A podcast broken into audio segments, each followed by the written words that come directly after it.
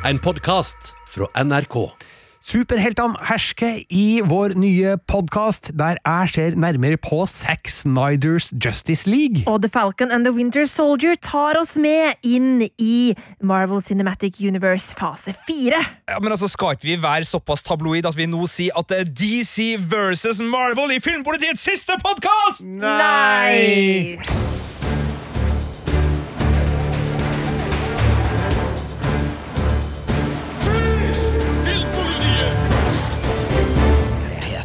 Ja, det er ikke det at det er en uinteressant problemstilling, Sigurd, det er bare at det tar så innmari lang tid. Ja, Og så vil jeg bare si at Det er ikke Filmpolitiets siste podkast, det var liksom bare min dramatiske stemme som gikk dit. Det er Filmpolitiets nyeste podkast Ja, enn så lenge. Viktig poeng. Her i studio, Birger Vestmo. Marte Hedenstad. Og Sigurd Vik. Og det er altså Ja, DC først, og Marvel etterpå. Hvem av dem som vinner, det skal vi ikke ta stilling til i denne podkasten, men eh, det skal i hvert fall handle om eh, deres siste produkter, som kommer ut sånn cirka samtidig. Og da skal vi først snakke om Zack Snyders Justice League, som jo har en litt broget historie.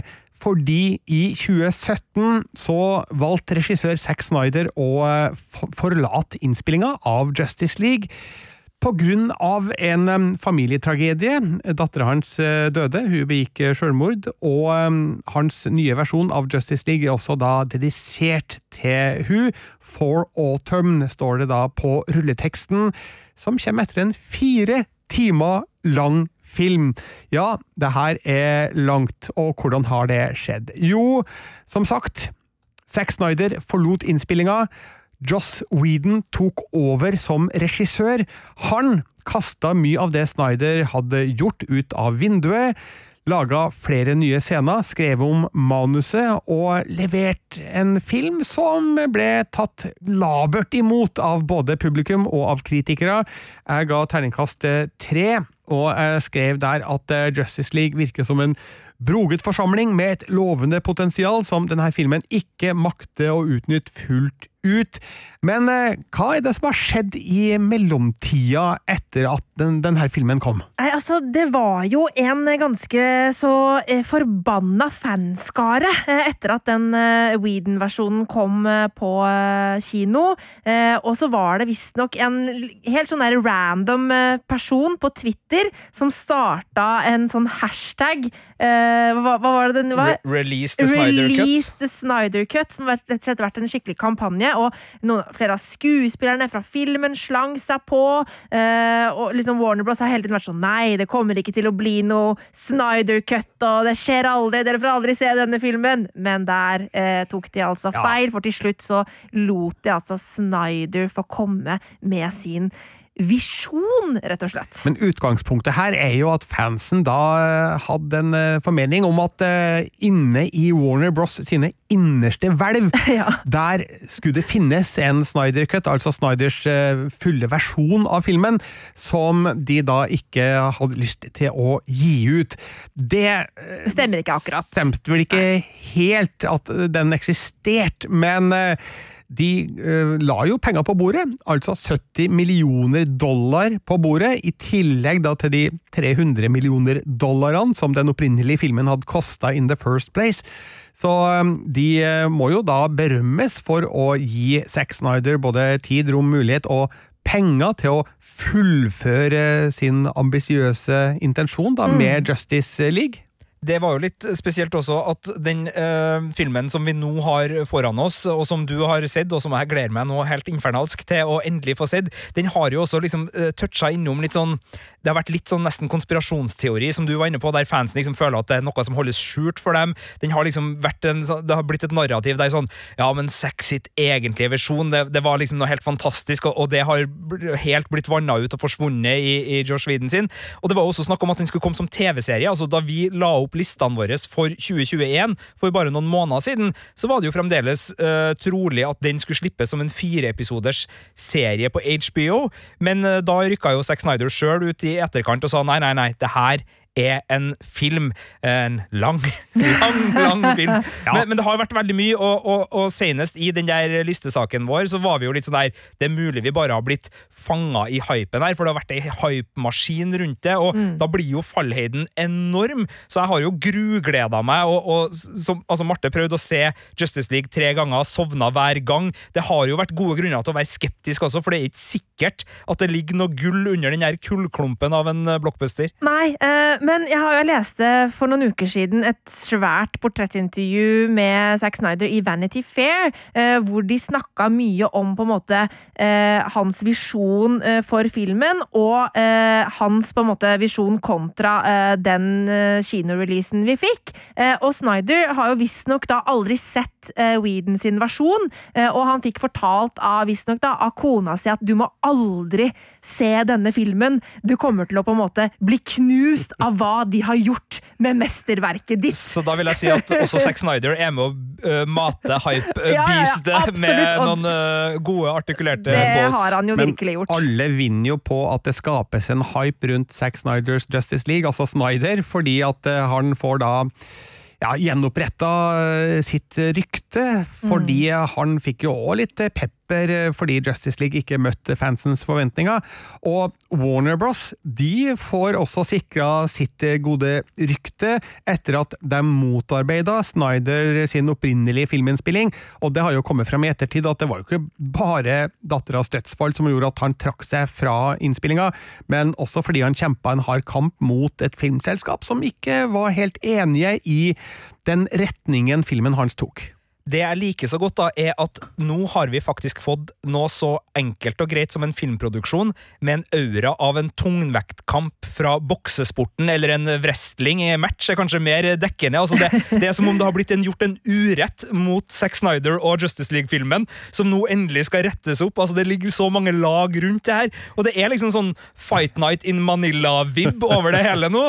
Så Birger, du har jo da svaret, og så har vi gått og gleda oss til den her fighten uh, uten grunn, eller er det gode grunner til å lene seg tilbake og være spent på Ja, han har fått med navnet sitt i tittelen, altså er ikke det litt spesielt? Zack Snyders Det Justice League? Det er jo for å eh, gjøre en tydelig eh, markering av at det her er hans versjon av filmen, mens Joss Whedons Justice League bare heter Justice League. og noe sier meg at Weedens Whedons versjon ikke kommer til å leve et særlig godt liv lenger, fordi den vil for evig og alltid være overskygga av Snyders firetimersversjon, som jeg har gitt terningkast seks, og si at den knuser den labre kinoversjonen.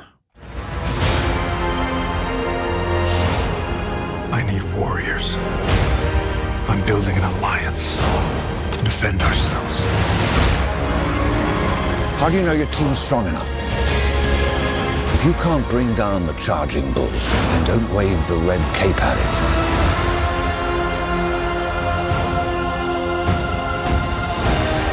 You were sent here for a reason. And even if it takes you the rest of your life, find out what that reason is. Det her var et lite klipp fra traileren til Zack Snyders Justice League, og ja, var det noen som syntes det her hørtes eh, episk ut?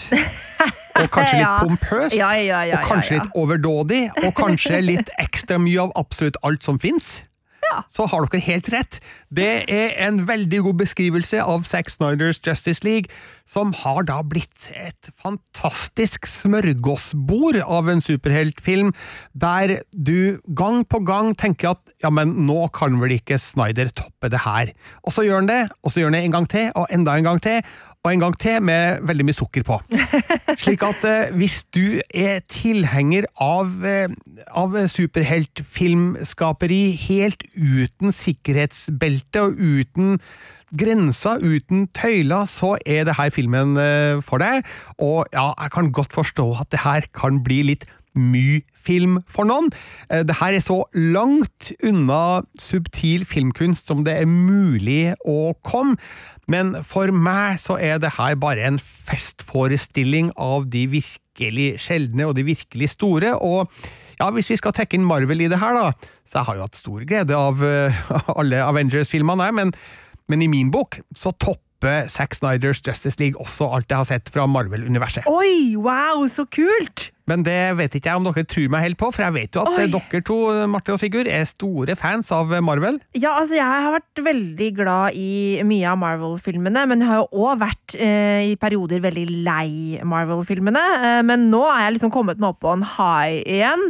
Eh, men eh, dette her gjør meg jo veldig, veldig spent på, på Justice League, da, i, i Zack Snyders eh, visjon, fordi jeg er jo en fan av Snyder som filmskaper òg, og han har jo gjennom liksom sin karriere hatt veldig mye ja, tydelig formspråk, eh, som Ja, jeg er nemlig. spent på å se videre. Ja, så han er jo en enorm visuell forteller, og det gjør han også mer av i eh, sin egen Justice League-versjon. Eh, Det er en del scener her som er helt utrolig vakre.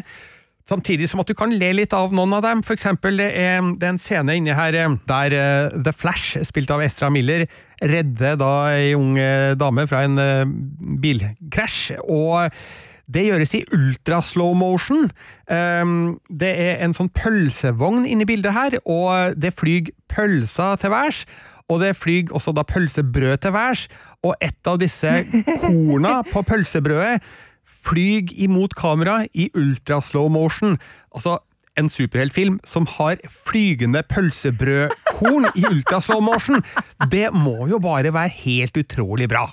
Altså, øh, det er jo øh, helt øh, fantastisk å se deg snakke om det her nå, Birger, fordi du har elska actionfilmer som har smelt høyt og hardt siden du var en snørrvalp på Stjørdal kino, unnskyld uttrykket, og du stråler når du snakker om det her! Altså, Ja. du er så begeistra! Det her er som å bade i et eh, svært basseng av godteri, og det er bare høydepunkt etter høydepunkt for en som elsker eh, vakker, stilisert eh, helteaction med digitale effekter på absolutt øverste nivå.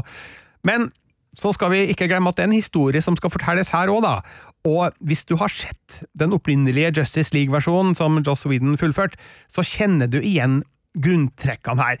Altså, Batman, spilt av eh, Ben Affleck, eh, prøver å samle et team eh, superhelter fordi verden trues av en en, jeg kaller det en dommedagsfigur, da. Steppenwolf, som er en helanimert figur, men har stemmen da til Kiaran Hines. Eh, Det er da mm, en eh, ekkel eh, slemming det her, som er på jakt etter tre såkalte moderbokser, som for en gang, for veldig lenge siden, ble gjemt av menneskene, atlantianerne og amazonene, fordi hvis de tre boksene forenes, så vil verden rett og slett bli utsletta og mm, invadert og overtatt av den slemme slemme super-bad guyen som heter Darkseid. Og han så du ikke så mye til i den opprinnelige Justice League. Vil du se han i Zack Snyders Justice League? Det må du se filmen for å finne ut av. Men i hvert fall så um, samler da um, Batman uh, Wonder Woman, spilt av Gal Gadot, Aquaman, spilt av Jason Momoa, som tar av seg skjorta enda mer i denne versjonen enn han gjorde i kinoversjonen. Uh, The Flash har jeg jo allerede nevnt, og også Cyborg, spilt av Ray Fisher.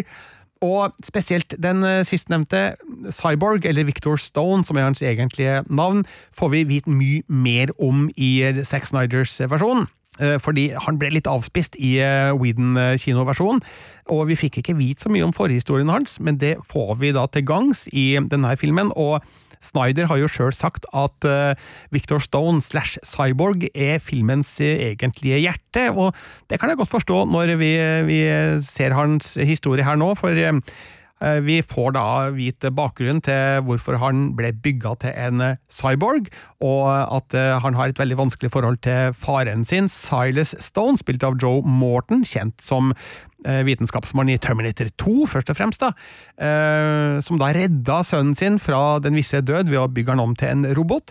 Eh, Så det er da hans historie som går som en rød tråd gjennom store deler av denne filmen. Men ikke bare han, det handler selvfølgelig også om de andre hovedpersonene, og jeg syns eh, Zack Snyder har gjort en utrolig bra jobb med å veksle mellom de ulike personlighetene, og vi får forklart mer av eh, deres bakgrunner, deres forhold til hverandre, og hva det er som driver dem fremover. En, en større følelse av hva som står på spill da for hver eh, enkelt.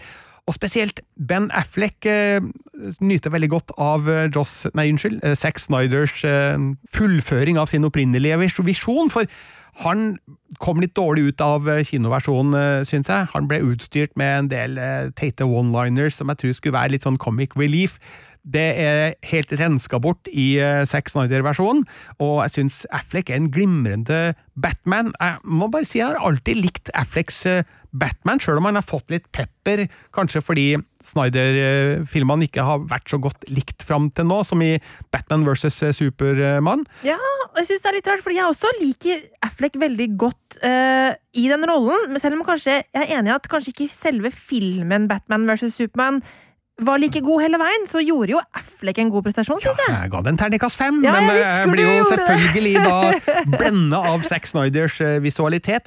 Men jeg, liker den mørkere, mer alvorlige Batman som Mm. Affleck eh, har spilt, og selvfølgelig ikke til noen som helst forkleinelse for Christian Bale, og jeg kommer til å være veldig spent på Robert Pattinsons eh, nye Batman-versjon, som eh, kommer senere.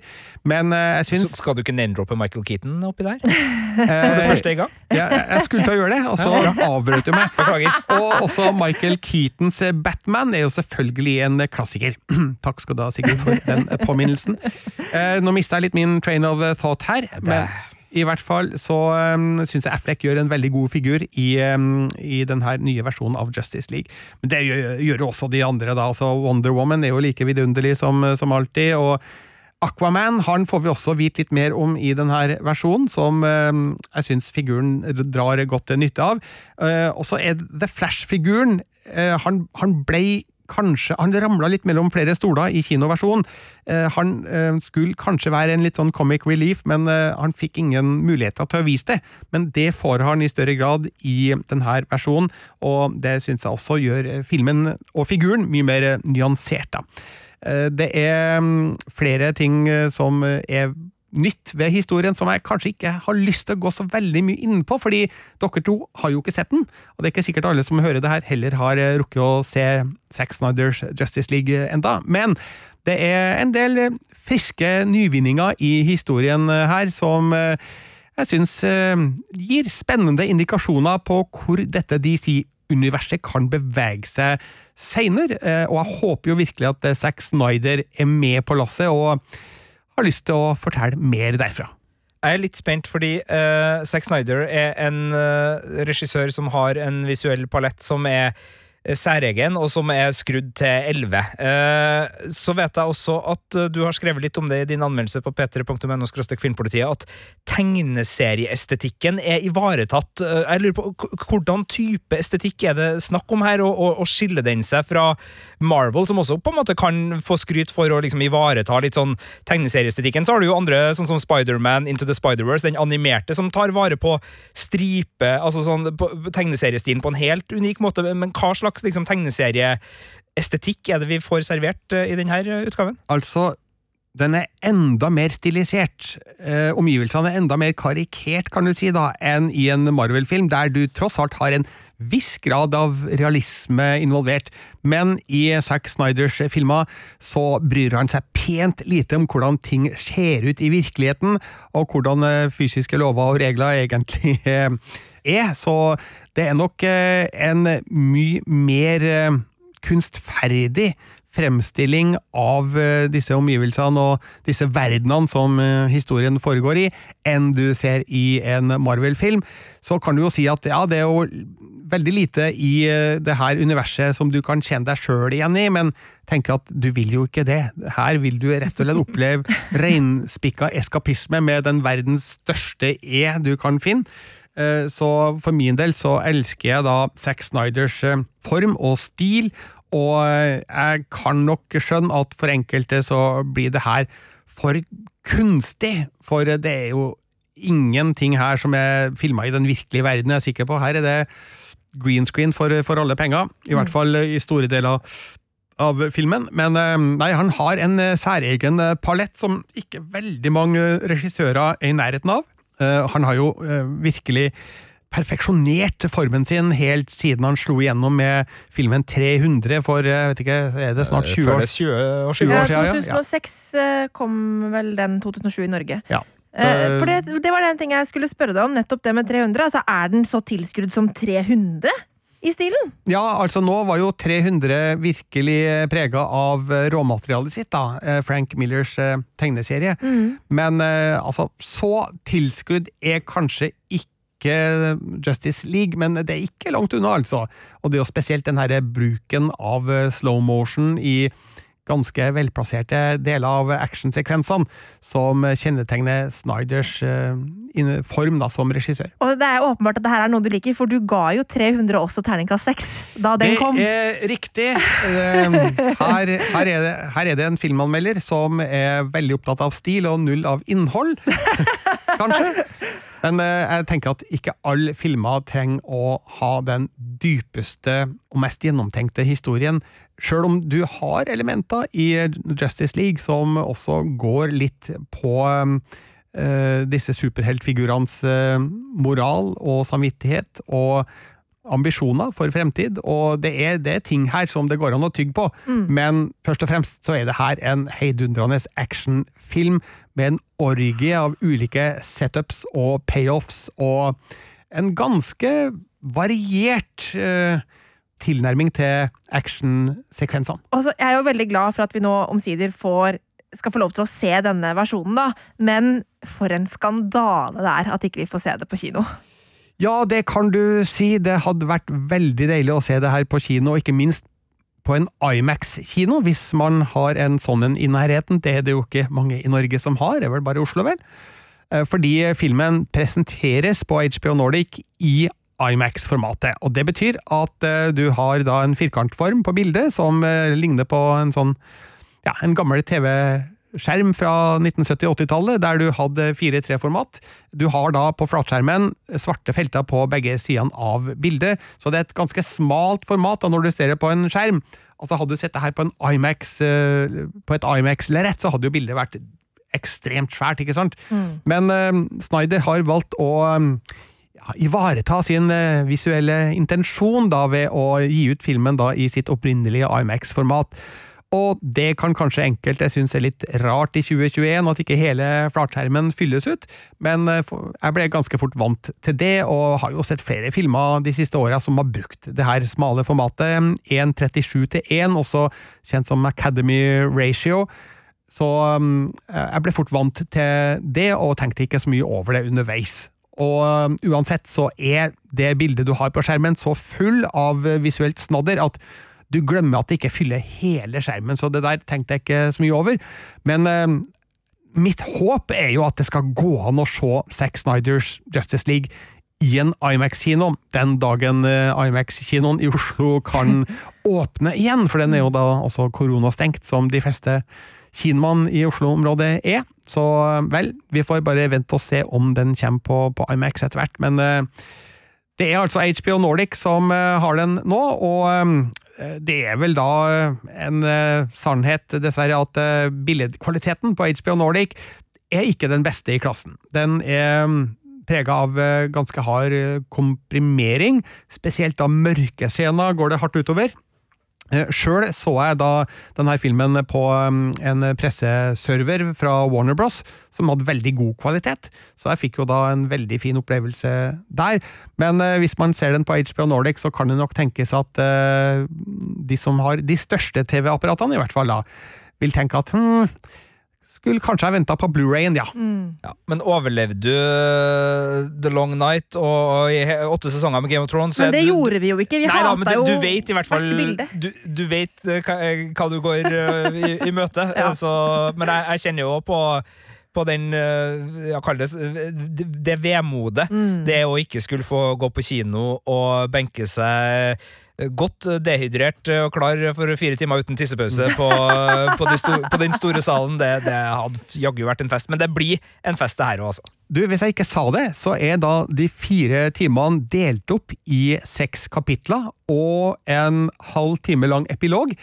Slik at hvis du vil, så kan du dele opp eh, tittinga. Du kan eh, se det som en sjuepisoders miniserie hvis du vil. Birger Gnagolf Vestmo, har du snytt meg for en TV-serie her? Altså, Er det her egentlig en serie jeg skulle ha anmeldt? Og at det faktisk er en TV-serie, og at du, filmanmelder Vestmo, bare tok Snyder Nei. Snyder sa det var en film. Ja, han sa det var en film. Men, men, men føles det litt som en TV-serie? Altså, for det, Vi trodde jo det skulle være en TV-serie i en periode, fordi det virka som alle eh, som snakka om den, sa det. Det sto på Wikipedia, det var liksom det Ja. som var antatt, og så Det- kom Snyder ut og sa dette er film. Ja, men eh, den hadde fungert veldig greit som en TV-serie også, og jeg har mistanke om at eh, den er redigert med tanke på det, at det skal gå an å se det her som sju episoder, men det skal også fungere som en sammenhengende firetimers filmopplevelse, filmopplevelse, fordi kapittelinndelingene kommer på punkter der eh, det nettopp har vært en topp, altså. Og eh, du føler at den har en narrativ struktur som er tilpassa eh, start og stopp eh, seks ganger, slik at eh, det har kanskje muligens eh, vært mulig å presentere det som en miniserie, men jeg har lest at eh, skuespillerne hadde i kontrakten sin at Justice League skulle være en film, og at det kan være årsaken til at eh, man var nødt til å, å slippe det som en firetimers film. Og jeg beklager at jeg kalte deg Gnagolf. Jeg beklager til alle Gnagolfer der ute at jeg eh, brukte navnet i Vanry. Det var et eh, følelsesmessig øyeblikk, eh, og jeg skal prøve å besinne meg. Det er helt greit, du mister bare jobben. Det er rett. Rett Men, men jeg håper i hvert fall at jeg har greid å overbevise dere og alle som hører på, at uh, Zack Snyders Justice League har blitt en fantastisk film. Nesten oppsiktsvekkende kraftig forbedra i forhold til den eh, kinoversjonen, som jeg da ga terning, terningkast tre. Alt er større, alt er bedre, eh, historien er rikere. Personene, altså Persongalleriet er mer interessant, og det er en del nye ting her som eh, overrasker veldig, og som da, som jeg sa, gir meg forhåpninger til at eh, DC-universet virkelig kan få seg et oppsving fremover. I hvert fall hvis eh, Warner Bros. gir Snyder muligheten, hvis han vil, da, til å utvikle det videre. Og um, nå virker det som om eh, denne Snyder-cutten blir veldig godt eh, mottatt av eh, mange, sånn at eh, det ser ut til å være en, eh, en eh, kreativ suksess, i hvert fall. Så vil jo tida vise da om eh, seerne flokker seg til, til HBO Nordic i Norge og HBO Max i USA, og hvor det nå ellers eh, går rundt om i verden. Eh, Men eh, det er i hvert fall en kreativ suksess, om ikke den også da blir en kommersiell suksess. Men jeg håper jo det. Krysser fingrene for det. Ja, og så er det jo interessant at uh, uten at vi skal gå inn på Marvel versus DC sånn helt konkret her, så lader det jo på en måte DC Extended Universe-kanonen på fortreffelig vis, og nå kommer jo James Gunn, som har hatt stor suksess med Guardians of the Galaxy-filmene, for Marvel, som skal leke seg med Suicide Squad. Altså, det skjer jo mye spennende. Wonder Woman sluppet en ny film. Eh, de, de har liksom fått litt øh, ja, slitt å si momentum, men altså de, det, er litt trøkk i, i DC filmuniverset, og i det Marvel da nå er på vei inn i fase fire med ja, det er vel fire nye kinofilmer, og som vi straks skal snakke om nye TV-serier. Altså, what a time to be alive for eh, superheltfans som liker at det smeller høyt og hardt og, og spennende på skjermen. Definitivt, absolutt. Og nå har jo DC vært eh, litt sånn i skyggen av Marvel i mange år, og det er fremdeles Marvel som er størst, det er jo ingen som helst tvil om det. Men jeg kjenner jeg heier jo litt på DC, da, selv om det er et eh, gedigent eh, selskap, eh, så er de litt sånn underdogene her. Og de har alt å vinne, og det er jo artig å se at de faktisk da nå greier å bruke sine største figurer til noe ordentlig. Så jeg har virkelig håp om at vi kan få flere gode ting derfra i fremtida, som kan ta opp konkurransen med Marvel. Speaking of Marvel, vi skal forlate Zack Snyders Justice League og den sekseren på terningen som jeg gir til den filmen, til The Falcon and The Winter Soldier. Ja, fordi altså, i januar så starta jo da eh, fase fire av MCU, altså Marvel Cinematic Universe, med WandaVision. Eh, og nå tar vi da steget videre inn i denne delen av fortellinga, da med The Falcon and The Winter Soldier. So, who would like to start? Mr. Barnes, why does Sam aggravate you? 15 seconds to drop. So what's our plan? Great.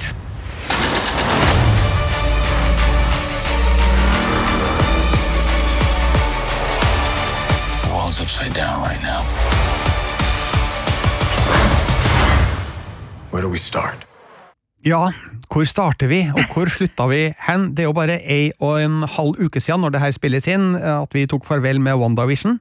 Og nå kommer altså noen nye figurer fra Avengers-universet. Yes, nå er det altså da uh, Sam, eller Falcon, da, og Bucky, aka Winter Soldier, det skal handle om. Uh, altså bestekompisene til Captain America, hvis dere husker de gutta der. Uh, og vi starter da opp historien noen måneder, jeg tror det visstnok skal være sånn cirka et halvt år etter det som skjedde i Avengers Endgame. Eh, og folk har kommet tilbake. Eh, fem år av liksom denne unntakstilstanden som verdenen eh, levde i etter Infinity War, er over. Og folk forsøker å på en måte stable livet tilbake på, på beina igjen. Ja, og bare så alle sammen skal være up to scratch her nå, hvis det klør litt i hukommelsen. Mm. Og øh, beklager at vi spoiler to av øh, kinohistoriens øh, mest innbringende filmer her, men Thanos knipsa. og sørga for at halvparten av jordens befolkning forsvant. Så uh, sørga våre helter i Avengers for at uh, Thanos ble beseiret. Og uh, folk kom tilbake da det ble knipset igjen, men da med fem års pause. De kom tilbake som sine unge jeg. og begge våre helter her er vel blant de da som var borte, men som nå er tilbake, og som dermed har øh, vunnet ungdom øh, gjennom Thanos-lotteriet. Øh, Ja, Nei, det var vel ikke helt sånn Eh, det var ble, vel ikke helt sånn det var. Eh, Altså, de må jo da på en måte forsøke å liksom eh, plukke opp trådene fra det livet som bare ble rett og slett avbrutt for fem år siden. Eh, og det er jo ikke bare bare. Altså, Bucky er sterkt traumatisert etter det som skjedde med han. Altså, han var jo en eh, en supersoldat som har blitt hjernevaska til å utføre de grusomste handlinger. Hjernevaska mange ganger. Ja, mange ganger. Eh, og, eh, og Sam har jo liksom vært ute i hardt vær, og familien hans eh, og liksom eh, Søstera og alt mulig sånt har liksom blitt etterlatt i fem år, hvor han ikke har kunnet være der for dem. Eh, og alle disse tingene må nå liksom prøves å tas tak i.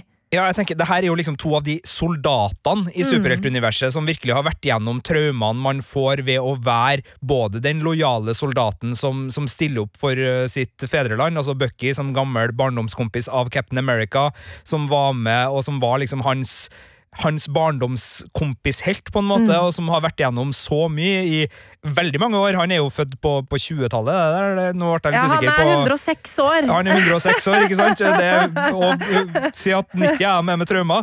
Eh, og så har du også uh, Sam, da, som uh, var en tidligere spesialsoldat, og som da han og Captain America møttes, så var de begge på en måte to soldater i litt sånn i etterkant av tjenestetid, som var usikker, og de, de, han jobba vel med veteraner, og det var liksom Så, så det her er jo to soldattyper vi har fulgt gjennom filmuniverset. Eh, og så nå da skal de få sin, eh, sin serie sammen. Og det, de hadde jo også en veldig god buddycop-kjemi uh, i, i siste Avengers-film. Ja, Infinity War var det, ja. Ja. Mm. Uh, så, så der hadde de veldig god kjemi. Uh, hvordan kjemien er i The Falcon and the Winter Soldier, veit jeg ikke enda, fordi jeg har kun fått sett første episode. og der er de ikke sammen enda. De for liksom, handlingen setter dem på hver sin kant foreløpig.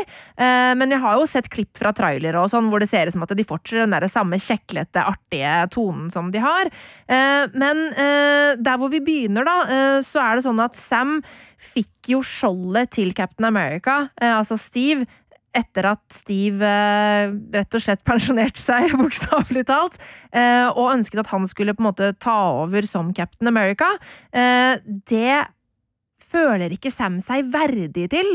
Han syns det er bare én Captain America, og eh, skjoldet eh, blir liksom plassert i monter inne på Captain America-museumet inne på det der Smithsonian, ikke sant? Og han på en måte tenker at ok, jeg kan fortsette som soldat og være trooper og stå på, liksom, men jeg kan ikke være Captain America, for Captain America er borte. Eh, og Bucky han går i terapi eh, hos en ganske krass og eh, liksom passiv-aggressiv og veldig morsom terapeut. og han forsøker å gjøre opp for alt det fæle som han da har gjort. Han har liksom en sånn liste som han stryker ut med folk han må make amends til. Og det var vel han som drepte faren til Tony Stark, aka Iron Man òg, var ikke det? Uh, jo, det var det vel, jeg husker Det jeg. bil Ja, eh, var ja. Han har eh, drept uh, mange folk. Han drept mange. sånn at uh, han har Beklager hvis masse- jeg huska feil nå, men Nei, det, jeg mener at det han har masse flashbacks hvert og sliter med det, og forsøker å på en måte gjøre opp for seg, er den tematikken som går igjen i første episode for hans del. Um, og så ligger det et sånt snev av alvor over den sesongpremieren, som handler om Som gjør at den føles veldig samfunnsaktuell. Um, det der med at arbeiderklassen får kanskje ikke så himla mye hjelp eh, fra myndighetene til å liksom stable ting på beina i økonomiske kriser. Eh, Sam og søstera er i banken for å få et lån. Eh, han får ikke lån fordi han har jo ikke hatt inntekt de siste fem åra. Men hvordan kan man få inntekt når man har vært dau? Altså, Oi. sånne type ting. Og det er også eh, tegn som viser til at det kommer til å være mm, Altså at rasisme kommer til å være et tema som er gjennomgående for sesongen. Det er mitt inntrykk. Samfunnskritikk i en Marvel-serie. Jeg vet ikke om det Mm. har vært så mye av det før, men det er jo kanskje på tide at det kommer i så fall, da. Ja, og så er jeg veldig nysgjerrig på hvordan det kommer til å bli forvalta videre utover i sesongen. Fordi én ting er at eh, den legger opp til at den det takler den type tematikk i sesongpremieren. Hvordan den kommer til å løse det utover, veit jeg jo ikke enda. Men ser du noe tegn til hva som eventuelt da skal bli seriens store konfrontasjon og konflikt? Ja, det er jo da en eh, gruppe terrorister som har spredd seg eh, rundt omkring i verden, som egentlig syns at livet var veldig fint eh, under the blip, som de kaller disse fem årene vi aldri får tilbake. Um, og det er en gruppe som kaller seg for Flag Smashers, er det vel, um, som da på en måte heier på at verden ikke skal ha noen um, nasjoner og stater. De vil liksom frigjøre jordens befolkning fra liksom den de undertrykkende nasjonalistiske statene. Uh, og i denne gruppa her så viser det seg også i første episode at det er en eller annen person som kanskje har noe ekstra ved seg, eh, som jeg vet at de som har lest tegneseriene, eh, vil dra kjensel på, da, uten at jeg skal utdype det så veldig mye videre. En, tegneserie, en tegneserieskurk? En tegneserieskurk. Det dukker opp en tegneserieskurk! ja. Men du, altså, WandaVision utmerka seg jo ved å starte et helt annet sted Mm. enn eh, det alle Avengers-filmene gjorde. Og så gikk den jo til slutt over i mer Avengers-kjent territorium. Ja. Eh, hvordan ser eh, The Falcon and The Winter Soldier ut der? Der er det litt som å vende hjem. Det er mer av det vi har sett i filmene, og det føles veldig sånn organisk ut som en videre del av den historien vi har sett på kino. Og, og det syns jeg egentlig er veldig deilig. Altså, jeg har et litt sånn der spesielt forhold til Marvel, fordi at jeg har elska Marvel, og så har jeg vært drittlei Marvel. Jeg, altså, jeg tror Age of Ultron og inni der, da var jeg altså så lei. Eh, mens nå så har jeg fått en sånn giv tilbake, og jeg koser meg med det. Eh, og sånn utseendemessig og visuelt sett så ser The Falcon and the Winter Soldier veldig likt ut, uten at det selvfølgelig kan puttes like mye penger inn i actionsekvenser sånn som det kan gjøres på de aller største Marvel-filmene. Eh, Men det er i første episode noen skikkelig kule actionsekvenser eh, hvor Sam er i lufta, og det er eksplosjoner og helikopter og flyging og, og full pakke, så det, det er tøft. Men foregår det her samtidig med WandaVision? Er det noen referanser til det som skjer Ja, der altså, her? eh, A few months ago har jeg, har liksom hørt snakk om uh, at det er siden folk kom tilbake. Uh, og så har jeg sett uh, liksom i beskrivelser av serien at den skal foregå et halvt år etter Endgame. Eh, så husker vi når WandaVision Hvor lenge etter den Det er jo i sånn cirka samme Ja. Altså, tida. Monica Rambo kommer jo tilbake fra The Ja. Blip midt i serien. Ikke sant? Så, men det er ingen referanser til Wanda, for eksempel. Eller ingen referanser, ingen som har snakket om det som skjer i WandaVision i denne første episoden. Hva om at Spiderman er på europatur sammen med klassekameratene sine? Ingen som nevner det heller? Ikke noen som nevner det heller, men uh, nå er jo dette her kun første episode. Da, så kan hende vi får høre mer om Spiderman sin klassetur uh, i senere episoder av eh, Falcon and the Winter Soldier. For du, du har jo ikke anmeldt den første episoden. Det her er førsteinntrykk av uh, serien. Ja, så jeg har jo gitt et, et terningkast til eh, denne episoden, men jeg har jo ikke anmeldt hele serien, for det er jo helt umulig på en sesongpremiere. Og det der, eh, Nå skal vi jo bare eh, trekke fra gardina litt og la folk få innblikk. Det er veldig eh, forskjellig hvordan tilgang pressen får på en del store produksjoner, spesielt fra de store selskapene. Kinofilm er jo kjempegreit, vi får se filmen. Det er en supergrei måte Du å må ikke gå halvveis. Nei. Uh, TV-serier er det annerledes. Altså, I større og større grad så får vi tilgang, eh, i hvert fall sånn som jeg opplever det, selv om uh, forskninga er litt vilkårlig her, men vi får tilgang til hele sesonger ofte. Men nesten like ofte så er det snakk om et utvalg. Det kan ha noe med produksjonstempo å gjøre. altså Av og til så er ikke mer ferdig, og da vi fikk tre episoder av WandaVision, så var i hvert fall det som noe som var nevnt, ikke offisielt, men det var nevnt på nettet, at det kan ha noe med at pandemien har gjort at det var forsinkelser, så de hadde ikke hele sesongen ferdig. Resten av sesongen er i postproduksjon fortsatt. Ja, øh, og, og sånt, men av og til så får man bare en liten smakebit, fordi av og til får man ingenting, fordi ulike distributører, det være seg Netflix eller Disney eller HBO eller andre, ikke ønsker at pressen skal skrive om det, og da blir jo vi alltid litt nysgjerrig. Men her fikk vi da bare én En episode. episode. Eh, eh, og du, du anmeldte jo WandaVision på bakgrunn av tre. Altså, hvor- hvordan eh, liksom sitter man med et inntrykk her? Altså, vet du noe om hvor, hvor langt skal det her bli? Er det en ti episoder? Er det en fem episoder? Er det, og Ja. hvordan øh, størrelse ser det ut til at uh, det, du, du har foran deg? Får du noe, får du noe inntrykk Altså, der, eller er det Det er veldig vanskelig, uh, fordi det som er så uh, Det som nesten er litt sånn latterlig, er at eh, i traileren, for eksempel, så er det ikke noe fra første episode. Så liksom, eh, fordi at eh, altså alt fra traileren er seinere ute, ikke sant? Sånn at eh, den her legger jo bare så vidt på liksom brikkene ut på brettet. Eh, og så er alt det som skal skje, kommer jo til å skje videre utover i sesongen. Så jeg syns det er veldig vanskelig å på en måte si noe om hvor den er på vei, men det er seks episoder i sesongen, eh, og jeg har jo da fått sett eh, en sjettedel. Eh, 42 minutter og 33 sekunder uten rulletekst. Eh, sånn at det, det, er det er for eksempel det, det med at eh, jeg ikke har fått sett en eneste eh, scene med de to sammen, uh, irriterer meg. Selv om jeg har sett, jeg har jo sett de to sammen, og liksom det, det, Jeg syns jo det var morsomt i Infinity War, og for eksempel når de slåss mot, uh, da de slåss mot Spiderman og sånn. Jeg, uh, jeg skjønner at det er den dynamikken vi skal få, men jeg har jo ikke sett det. Og det provoserer meg litt at jeg ikke har fått lov til. Du, hvis man skal komme til denne serien med full historie i bakhånda, så må du se en ganske stor andel Marvel-filmer. Ja. Bør du ha gjort det for å få fullt utbytte av The Falcon and the Winter Soldier, tror du? Ja, det synes jeg. Eh, Du må i hvert fall ha sett Infinity War.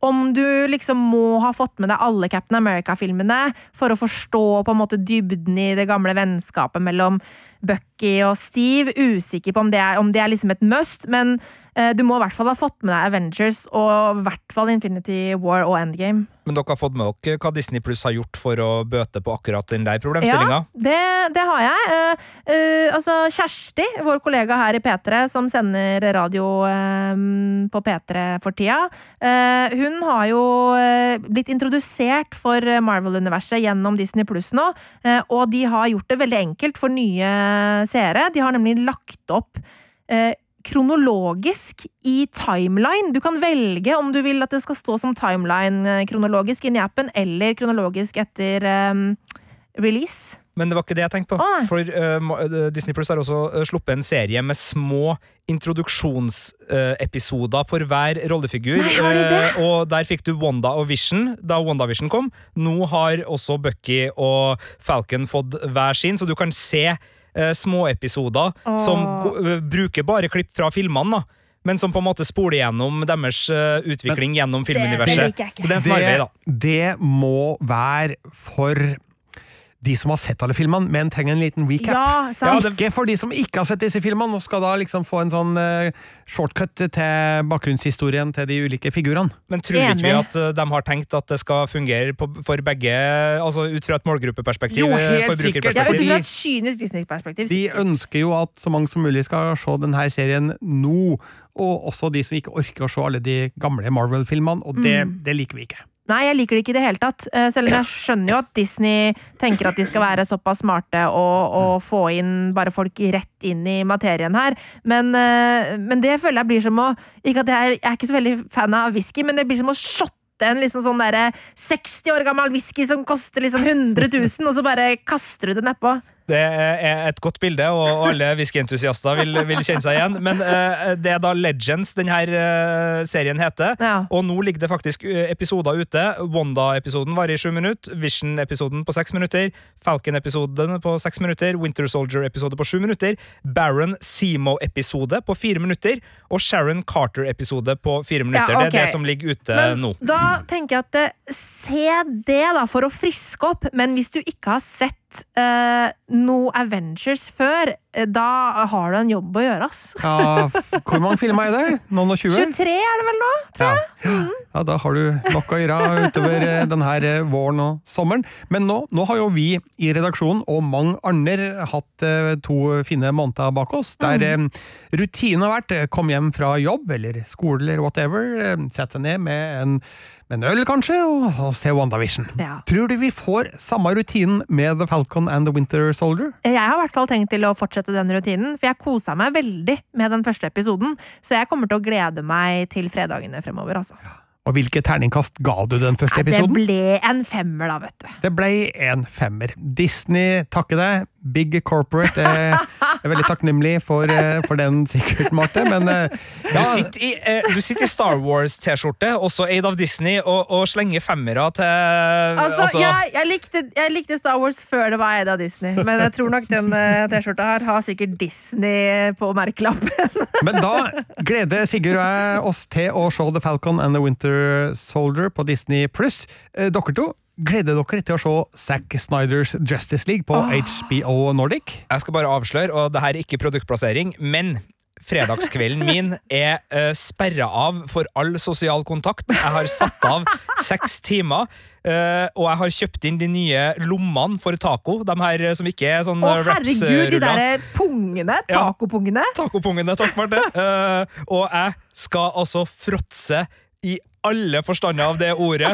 Både fra Og da driter jeg i at du syns at taco ikke er lov for å se film, Birger. For med sånne lommer så må det fader meg gå an hvis jeg eh, forhåndsfyller dem litt og, og få til det der. Og jeg skal komme meg gjennom Zack Snyder sin Justice League og pilot, eller, Ja. eh, sesongpremieren på, på Falcon and Winter Soldier, og jeg har sjelden gledd meg så mye til en sofa-TV-kveld som jeg gjør til i morgen. Vi må bare bli ferdig med arbeidsdagen, og så skal det virkelig superhelt eh, altså. Og for å bare strø enda litt mer salt i det tacosåret, Birger, så skal jeg spise eh, ikke pungtaco, men skjelltaco i kveld! Og se Snyder Cut eh, i TV-stua. Du mister også jobben, Marte. Den er grei. Da blir jeg alene her neste uke. Men Pung eller skjelltaco, Vestmo? ja, Hva foretrekker du? Nei, jeg foretrekker ikke taco eh, når jeg skal se eh, Zack Snyders eh, Justice League. Men eh, til Falcon and the Winter Soldier så går det sikkert fint, for det er bare en TV-serie. Eh, Sier han som anmelder mest film. Eh, så, så, eh, litt sånn som Smålex, den her Steve McQueen-saken du anmeldte terningkast 6 som ligger på NRK TV nå? Altså ja, den- TV-serien? Den filmserien, ja. TV-serien, Den filmantologiserien, ja. TV-serien til Steve McQueen? Vi er på lufta igjen på P3 fra, på søndag fra klokka 12 til 15, og så finner du alle anmeldelsene våre, inkludert de vi har snakka om nå i det vide og brede, på P3.no Filmpolitiet. Så er det bare å si takk for følget, og gi en eh, god kommentar til podkasten der du har henta den her, og så er vi tilbake igjen med en ny podkast om en ukes tid. Da tror jeg kanskje muligens det ligger an til litt påskekrim. Jeg driver nå og ser rubb og stubb av det som kommer av påskekrim denne påska, og uh, jeg tror det er elleve serier. Altså, jeg, jeg, jeg drister meg til å si at det er rekordmye påskekrim på vei inn på TV-skjermen uh, til denne høytiden, og um, vi skal servere dommen Ja. om sånn cirka en uke. Du beholder jobben, Sigurd. Takk. Du og Marte. Ja, tusen takk. Ja. I studio i dag, Birger Vestmo og fremdeles Marte Hedenstad. Og så vidt Sigurd Vik. Du har hørt en podkast fra NRK. Hør flere podkaster og din favorittkanal i appen NRK Radio.